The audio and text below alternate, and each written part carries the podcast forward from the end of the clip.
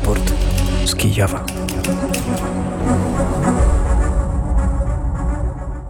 Raport e, z Kijowa, oczywiście Paweł Bobołowicz, rozmowy e, z Kijowem, Lwowem, Odessą, nie wiem z e, jakim jeszcze regionem Ukrainy, Pawle.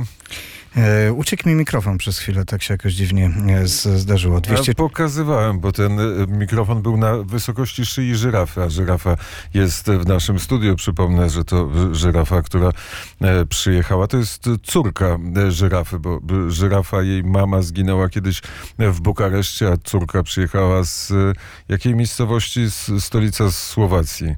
Ale to... Bratysława. No, ta żyrafa przyjechała z Bratysławy? Ta, ta żyrafa przyjechała z Bratysławy. Oczywiście jest córką po prostu tej żyrafy, która zginęła e, w Bukareszcie. Zgubiła się w Bukareszcie. Poszła gdzieś, poszła gdzieś przed siebie i jej potem nie odnaleźliśmy, ale są ważniejsze oczywiście problemy na świecie niż żyrafy. Chociaż e, po, po powrocie Wielkiej Wyprawy z Bratysławy na bieżąco opowiadaliśmy o Wielkiej Wyprawie. Ale tak, inaczej trochę zaczęliśmy raport z Kijowa. 243 dzień rosyjskiej inwazji na Ukrainę. Wita się Paweł Bobołowicz, nasza, nasza audycję realizuje Michał Tęsna. Jak Państwo słyszeliście, jest też Krzysztof Skowroński. W tym momencie przeczytałbym, przedstawiłbym Państwu informacje z Ukrainy, które zawsze, zawsze przygotowuje dla nas Daria Hordyjko i na pewno do tego powrócimy, ale Krzysztof Skowroński ma przed sobą książkę, która mu towarzyszy od e, początku naszej audycji. To jest e, książka, a przede wszystkim autor jest ważny, by zrozumieć to, co dzieje się e, na Ukrainie. Być może by też lepiej zrozumieć te wiadomości, które w raporcie z Kijowa przedstawiamy. Co to jest za książka? To jest książka Jurija Felsztyńskiego, historyka rosyjskiego, który urodził się w Moskwie i który wyemigrował w 1978 roku do Stanów Zjednoczonych i Władimira Popowa, e, który również mieszka w Stanach Zjednoczonych, ale był, e, był oficerem e, KGB, także się zna na tym, o czym napisał, a książka od Dzierżyńskiego do Putina jest opowieścią o historii sowieckich służb specjalnych, które przekształciły się w FSB i historia o tym, w jaki sposób FSB od czasów Andropowa przygotowywało przejęcie władzy w Rosji, co się udało dopiero w 2000 roku, wtedy kiedy Putin został prezydentem. Historia mafii, z którą w tej chwili, e, w tej chwili próbują sobie poradzić Ukraińcy, ale to też, e, jeśli patrzymy na informacje, te wszystkie informacje, które wychodzą ze strony rosyjskich polityków z Rosji, to musimy wiedzieć, że za nimi stoi e, mechanizm i doświadczenie dezinformacji, które zostało przez kilkadziesiąt lat wypracowane właśnie na Łubiance. Musimy mieć absolutnie co do tego pewność, tak samo jak cała e, strategia i całe całe, cały sposób, w jaki sieć FSB oplotła e, współczesny świat i współczesne demokracje. Warto zajrzeć. Służby specjalne Rosji w walce o dominację świata nad światem, a lata, które podał Felsztyński, to jest 1917-2036. Rok, do którego może e, rządzić e, Putin. Świat e, właściwie mafii, nawet a nie służb. Znalazłeś tam coś już o Sergieju Szojgu, o ministrze obrony Federacji Rosyjskiej? O Sergieju Szojgu, o ojcu, bo wszyscy, którzy teraz, teraz są na, świeczniku mieli swoich e, rodziców również w służbach specjalnych, albo prawie wszyscy, bo też jest to łowisko, w którym łowią młode e, talenty i o tym, że e, Rosja jest krajem, że jeżeli chcesz być bogaty i mieć ciekawe życie, musisz wstąpić do Federalnej Służby Bezpieczeństwa. Minister obrony Federacji Rosyjskiej Sergiej Szojgu, którym właśnie przed chwilą, a właściwie ojcu powiedział Krzysztof Skowroński, dzwonił do szefów Departamentów Obrony Wielkiej Brytanii, Francji, Turcji i Stanów Zjednoczonych. W rozmowach z ministrami Szojgu oskarżył Ukrainę o przygotowanie prowokacji z użyciem brudnej bomby. Wołodymyr Załęski, prezydent Ukrainy, powiedział, że Szojgu założył telefoniczną karuzelę, a szef Ministerstwa Spraw Zagranicznych Ukrainy Dmytro Kuleba dodał, że oświadczenia rosyjskiego ministra obrony są kłamstwem równie absurdalnym, co niebezpiecznym. Minister obrony Ukrainy Oleksij Reznikow zaprosił misję obserwacyjną ONZ i Międzynarodowej Agencji Energii Atomowej na Ukrainę. Według analityków amerykańskiego Instytutu Badań nad Wojną słowa Szojgu o brudnej bombie są horrorem mającym na celu spowolnienie zachodniej pomocy wojskowej dla Ukrainy i zasianie podziałów w NATO. Analitycy uważają za mało prawdopodobne, by sam Kreml szukał tego rodzaju prowokacje. A Służba Bezpieczeństwa Ukrainy, i o tym przed chwilą też rozmawialiśmy mm, z Krzysztofem Skowrońskim, zatrzymała zatrzymała prezesa ukraińskiej firmy Motor Sicz Wiaczesława Buchsłajewa i szefa Wydziału z Zagranicznej Działalności Gospodarczej firmy. Według śledztwa Motor Sicz dostarczała do Rosji ukraińskie silniki lotnicze za pomocą mm, pośredników. Wydaje się to wręcz nieprawdopodobne. Przed chwilą Służba Bezpieczeństwa Ukrainy opublikowała rozmowy Bogusłajewa z rosyjskimi pośrednikami. Na terenie Białorusi zauważono grupę irańskich instruktorów, którzy prawdopodobnie uczą rosyjskich wojskowych obsługi dronów Szachet-136. W wyniku izraelskiego nalotu linia montażowa irańskich dronów kamikadze w pobliżu syryjskiego lotniska wojskowego Damaszek została całkowicie zniszczona. A The New York Times, powołując się na doradcę ministra obrony Ukrainy Yuri Asaka, donosi, że Izrael dostarczył Ukrainie informacje niezbędne do zestrzelenia irańskich e, dronów. Te informacje wybrała dla nas Daria Hordyjko, informacje z Ukrainy, a mam nadzieję, że z nami cały czas jest e, w łączności Wojciech Jankowski, który przebywa w Odessie. Wojtku, dzień dobry jeszcze raz. Dzień dobry, witam słuchaczy ponownie. Mam nadzieję, że dobrze mnie słychać, bo nie ma światła, nie ma prądu w gniazdkach. E, natomiast internet jeszcze działa. Nie wiem, jak to się dzieje, bo korzystam z routera hotelowego. Także okazuje się, że Odessa ma swoje. Dzisiaj mówiłem, że tutaj jest jak, już nie powiem gdzie, jak w rozświetlonym, bardzo e, znanym e, mieście, gdy się przyjeżdża z Mikołajowa. No ale te trudności które Ukraina odczuwa na co dzień, y, docierają też do Odessy. Wojtko, bo ten spokój, bo ta normalność to jest y, w dużej części właściwie pozorny y, element. My go trochę poszukujemy, może czasem nawet na siłę, szczególnie osoby, które dłużej przebywają na Ukrainie, próbują zauważyć tę normalność, jednak gdy się przyjedzie, tak jak przyjechaliśmy ostatnio z prezesem Fundacji Solidarności Międzynarodowej, widzimy te elementy nienormalności albo tej sytuacji nadzwyczajnej, to o czym opowiadasz, to o czym opowiadałeś E, wcześniej w poranku wnet e, Mikołajów, który oprócz tego, że jest bombardowany, to też jest w sytuacji e, no, strasznej, humanitarnej, słona woda w kranach, bo wodociąg jest zablokowany, normalny wodociąg jest zablokowany przez, przez Federację Rosyjską, ale Wojtek, otarłeś się też niestety, czy, czy ocierasz się w tych miejscach o te informacje dotyczące dronów. To ta ostatnia informacja, którą przed chwilą Państwu przedstawiliśmy. Te drony pojawiły się w przestrzeni informacyjnej Ukrainy niedawno nie tylko przestrzeni informacyjnej, ale też przestrzeni powietrznej, skutecznie niestety niszcząc e, ukraińską infrastrukturę energetyczną.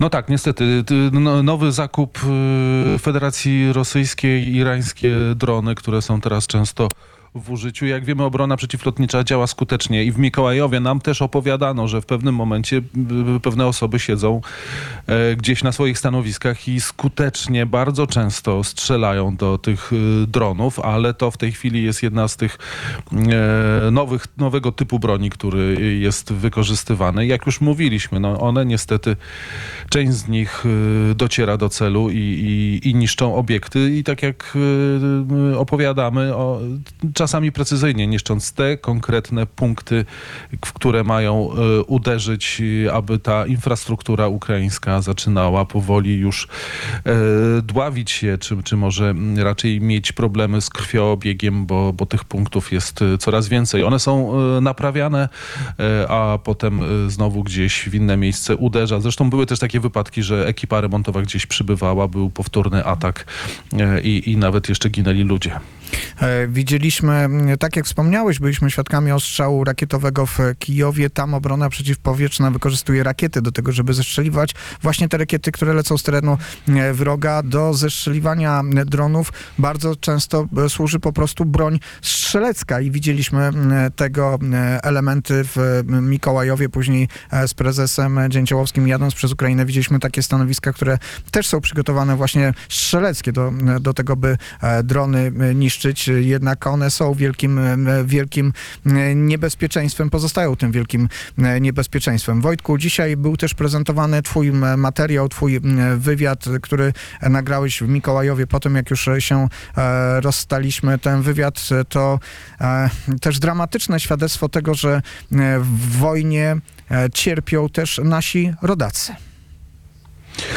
Tak, to prawda i muszę powiedzieć, że ja byłem zdumiony, bo akurat południe Ukrainy y, moim zdaniem nie było miejscem, gdzie dużo Polaków, gdzie wielu Polaków mieszkało, gdzie byli zsyłani. Zawsze myślę o innych miejscach na mapie dawnego y, Cesarstwa Rosyjskiego. No i okazuje się, że ta Kisielówka, już wymieniana dzisiaj y, kilka razy, to miejsce, gdzie mieszkali Polacy, gdzie byli zesłani po powstaniu styczniowym, chociaż tutaj są różne relacje, ale pozostajemy przy wersji, że styczniowym y, wioska y, żyła sobie, potem dosiedlano tam jeszcze Ukraińców, ale ten polski charakter tam był y, podobno w dużym stopniu, podobno jeszcze istniały babcie, znaczy żyją babcie, które jeszcze mówią po polsku, a gdy Ukraina powstała i życie religijne powróciło na tę ziemię, odrodził się tutaj również kościół rzymskokatolicki, była parafia, no a to się, co, co się stało z kościołem, to ty nawet znalazłeś w, w internecie zdjęcia, a nam opowiadała pani y, Anna Lisowska, że kościół został zniszczony. Właściwie nie wiadomo czemu, tak? Tak jak giną y, ludzie, są bombardowane domy, całe wsie, tak również świątynie są na celowniku i, i ten polski kościół e, nie istnieje już. Tam została podobno ściana już tylko. E, Ta dramatyczna relacja, ta informacja o tym, co wydarzyło się e, w Kisielówce, tej Kisielówce pomiędzy, pomiędzy Mikołajowem a Chersoniem na południu e, Ukrainy jest dostępna na stronie wnet.fm i zapraszam Państwa i do przeczytania artykułu i do, do wysłuchania tej relacji. Ten materiał, który zdobył Wojtek Jankowski jest niesamowicie i bardzo istotny, bo rzeczywiście też pokazuje i barbarzyństwo rosyjskie, ale też, że to barbarzyństwo dotyka, dotyka Polaków. Ta relacja o tym czołgu, który stoi przed kościołem i strzela e, do, e, do budynku, e, do świątyni, przypomniała mi też taką samą relację, którą słyszałem w Buzowej pod, pod Kijowem, ale tam z kolei czołgista rosyjski strzelał do budynku mieszkalnego. Ludzie z tego budynku podeszli do niego, pytają, czemu to robisz? A on mówił, ja was zniszczę do końca. Zniszczę was i Stany Zjednoczone. Gdzieś w jakimś takim amoku, szaleństwie rosyjskiego żołnierza, który po prostu w barbarzyński sposób niszczył e, niezrozumiało, nie, nie, nie, obiekty przecież, które nie są niebezpieczne, nie, nie mają, nie niosą za sobą żadnego zagrożenia, nie mają charakteru militarnego. Zresztą Wojtku, e, to nie jedyny kościół, który w tamtym terenie został zniszczony. Dotarłeś jeszcze do informacji e, o Basztance.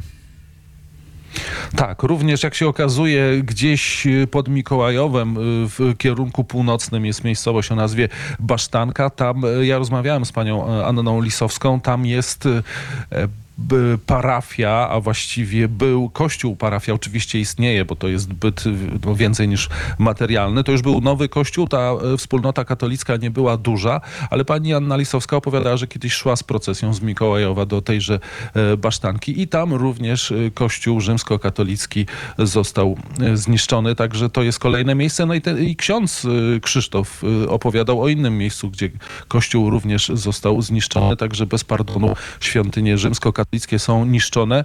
E, Trzeba przyznać, że inne również, jak mówi pani Anna Lisowska, e, również moskiewskiego patriarchatu, e, te też zdarza się, że są rujnowane.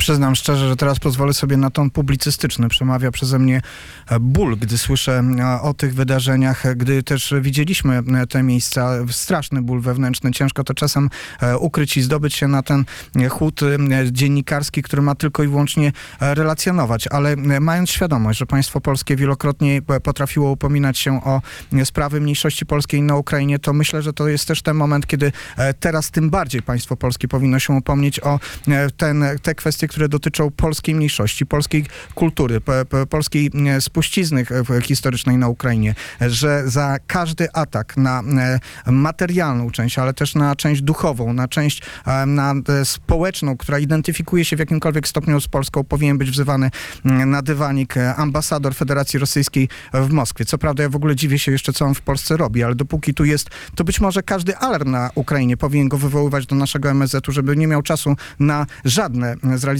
żadnej rzeczy, tak jak nie mogą tego zrobić Ukraińcy, którzy pod tymi alarmami żyją i żyją w takich miejscach, które są cały czas mm, ostrzeliwane przez e, rosyjskich mm, w- soldatów. No po prostu e, chyba czas najwyższy pokazać e, tym, e, którzy czują się tak dobrze i pewnie w krajach zachodnich, siedząc w swoich ambasadach mm, w komfortowych warunkach, mają cały czas prąd, mają wodę, nie mają słonej wody, tylko e, czerpią z tych e, dóbr, którymi e, i my jesteśmy tutaj obdarzeni w, sposób e, e, dowolny. Może może niech trochę przynajmniej w sposób administracyjny odczują, e, co oznacza e, ich e, agresja. No to może taki apel mm, z gorącego, gorącego serca, ale to wszystko boli, gdy się to widzi tam na miejscu albo gdy słucha się takich relacji, e, Wojtku, do których dotarłeś. Powiedz, jakie masz dalsze plany, o ile możesz to powiedzieć na antenie.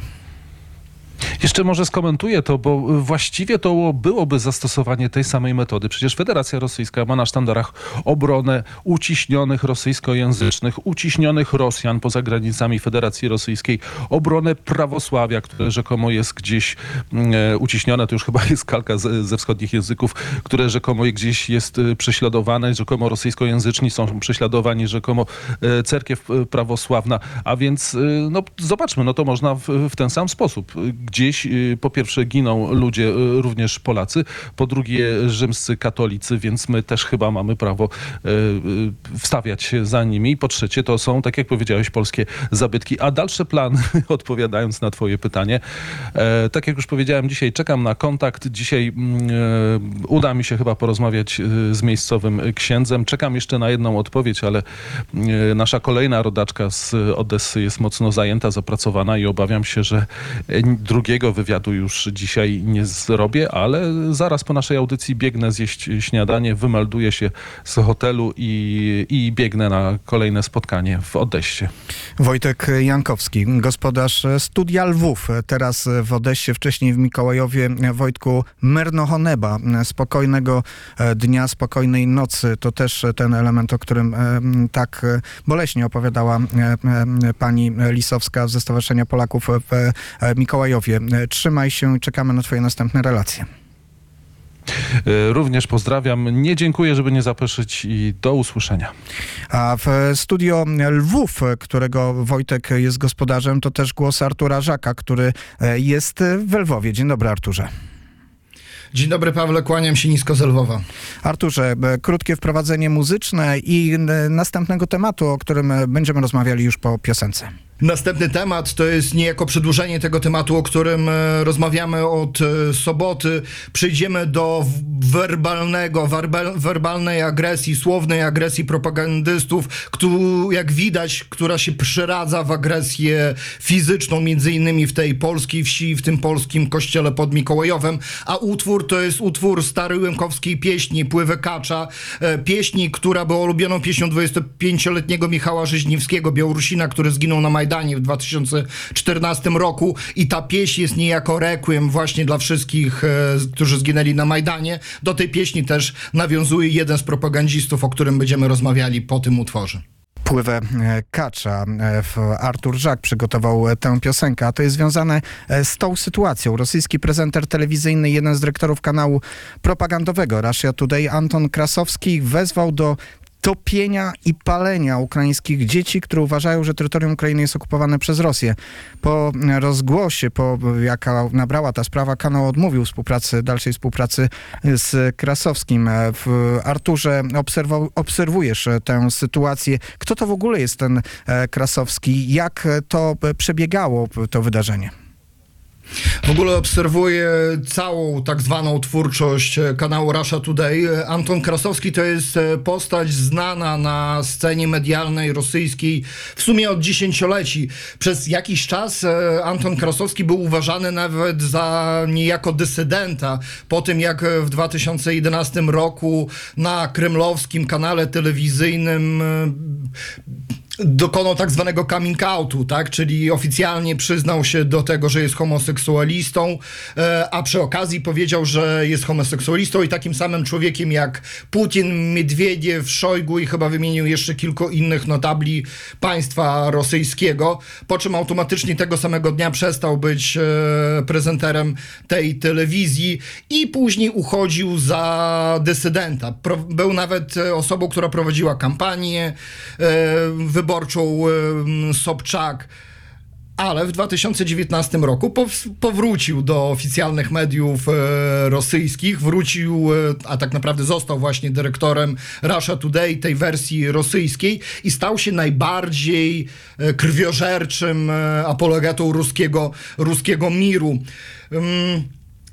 Nie wiem, dlaczego akurat teraz e, wycofali się oni ze współpracy z Antonem Krasowskim, bo akurat to nie jest pierwsza jego wypowiedź tego typu. On wcześniej e, na przykład tańczył po strzałach e, Ukrainy, rakietowych ostrzałach, kiedy e, skomentował, że zginęli ludzie, więc on tańczy w piżamie armii rosyjskiej na balkonie moskiewskiego swojego, em, swojego mieszkania. W każdym ze swoich programów e, domagał się właśnie palenia, bombardowania, zabijania. Jeszcze przed tą pełną wymiarową wojną mówił na przykład o tym, że należy palić Ukraińców na Chryszczatyku razem z ich e, konstytucją. A tutaj chodziło o to, że on zaprosił do swojego studia Sergeja Łukianienko. To jest e, rosyjski pisarz, fantasta.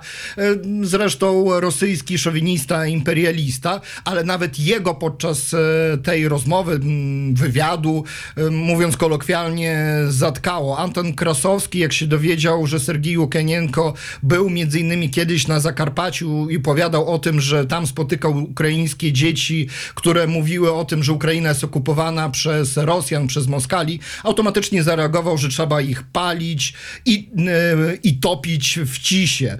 E, I nawiązał właśnie do tego utworu Pływę kacza po Tysynie, czyli pływie, płynie kaczka po Tysynie, po tej zakarpackiej czy też łymkowskiej e, pie, starej, starej pieśni. Mówił, że należy ich zapędzać do domów, tych drewnianych domów i tam e, palić. Ale tak jak powiedziałem, to nie jest pierwszy wybryk. Między innymi podczas tej rozmowy Sergiej Łukianienko i Anton Krasowski rozmawiali bardzo dowcipnie ich zdaniem e, na temat gwałtów na Ukrainie, na temat wydawania środków e, pobudzających pod potencję, o gwałtach na osobach starszych.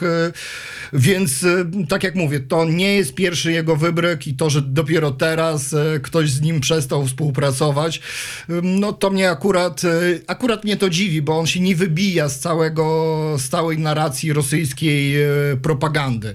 A jak widzimy po poprzednich e, waszych relacjach, po wywiadzie Wojtka Jankowskiego o wsi Kisielówka, między innymi to jest jeden tylko, tylko przykład, gdzie kościół, którym opiekowali się księża chrystusowcy, został całkowicie zniszczony, że ta agresja słowna, ona automatycznie ma przeniesienie na agresję fizyczną, więc e, tutaj zawsze się zastanawiam, kto jest bardziej winny, czy ten żołnierz, który morduje i gwałci, czy też taki Krasowski, e, taka szefowa Krasowskiego Margarita Simonian e, czy- i, i reszta propagandistów. I wydaje mi się, że Arturze, tacy, Arturze bo ch, z- postanowiliśmy, że e, przedstawimy Państwu ten dźwięk w formie oryginalnej. To być może, być może robimy coś nietypowego, dlatego że zdecydujeliśmy- zdecydowaliśmy się na cytowanie propagandowej e, telewizji, ale e, ten dźwięk e, jest istotny i chyba jest takim pełnym potwierdzeniem, że to, o czym opowiadasz, nie jest e, kłamstwem, więc może posłuchajmy tej wypowiedzi e, Krasowskiego. Личные, но А себя прям топить таких надо было в идентифицирующие. Тысыне. Прям вот там, где плыны кача. Вот прям топить этих детей, топить. Это не прям ваш в метод. Тысыне. Это, а это не ваш метод, поэтому вы интеллигентные люди, писатели-фантасты. А это наш метод. Вот прям Перевоспитывать надо было. сказал, что, э, так сказать, а, москали оккупировали, и сразу прям бросаешь в, в реку с буйным, теч- бурным течением. Вообще для И- этой цели на Руси традиционно использовали розги. Они лучше, чем река, работали, А я бы, вот там у них есть такая, там каждое, значит, говно называется, у них, так сказать, там такие домики есть куча очень, очень плохих, чудовищных. То есть они же засрали Карпаты, же они их уничтожили на самом деле. То есть Карпаты это отвратительно. А и там каждая, значит, изба называется Сморякова, Сморякова хата. И вот прям в эту Сморякову хату прямо забивать и сжечь. Прям вот. Język pogardy, język e, pogardy, język brutalny, e, niewyobrażalny. To się dzieje w telewizji, która jest finansowana z rosyjskiego e, budżetu. Myślę, że nawet dokładnie, Arturze, nie musimy tego e, tłumaczyć tych słów. Em, Tak naprawdę przy tłumaczeniu tych słów miałem dosyć duży problem, bo Krasowski regularnie wykorzystuje leksykę nie, nienormatywną, niecenzuralną. Na, na wizji, a tak jak zaznaczyłeś, to jest oficjalny program e, finansowany przez Kreml. To jest ich głos na zewnątrz, bo Russia Today jest taką telewizją, która ma głównie nadaje na zewnątrz, czyli do krajów e, no, tak zwanych e, demokracji. Nie masz wrażenia, że ten człowiek był w jakimś narkotycznym szale? Jak go regularnie oglądam, zresztą to on sam się przyznaje, że regularnie pije alkohol na, na wizji. No jak go, nie jestem narkologiem, ale jak obserwuję jego szczękościsk e, i katar, to mam wrażenie, że korzysta z środków, które dostarcza Ameryka Południowa, bądź cokolwiek innego. Ale tak jak mówię, nie jestem narkologiem, chociaż wygląda na osobę całkowicie niepoczytalną. Tak jak e, mówiłeś wcześniej i ja mówiłem, o, ta osoba dokonała coming outu, on jest, e, przyznaje się do tego, że jest homoseksualistą, e, ale także przyznaje się do tego, że jest chory na, jest zakażony wirusem e, HIV i jest chory na AIDS. Może dlatego nie obawia się potencjalnej kary po zakończonej wojnie i po wygranej Ukrainy. Dzisiaj jest poniedziałek i dlatego też jest mój felieton w Kurierze Lubelskim e, i e, wydawnictwach e, Polska Press. E, Napisałem na podstawie tej sprawy, e, że nie ma co szukać e, dobrych e, Rosjan. To jest zdanie, które powtarzają Ukraińcy. Nie ma sensu szukać tych dobrych liberalnych. Jak państwo popatrzycie w życiorys Krasowskiego, to był związany z tymi mediami, też zachodnimi mediami, które e, są takimi mediami demokratycznymi, mediami rosyjskimi, które są traktowane za opozycyjne. Do niedawna występował w jednym z, ze stanych, znanych stacji radiowych, która jest uznawana za opozycyjną jako komentator i jak przychodzi ten moment, e, sprawdzam, to wtedy okazuje się, e, że po prostu totalitarny Rosjanin pozostaje totalitarnym Rosjaninem. Z, z Lwowa Artur Żak, bardzo serdecznie dziękuję. Dziękuję Pawle, kłaniam się nisko. W Warszawie Paweł Bobułowicz, a do studia wszedł już Jakub Duszak, czyli za chwilę będą e, wiadomości w raporcie. Usłyszymy się jutro o godzinie 9.30. Raport z Kijowa.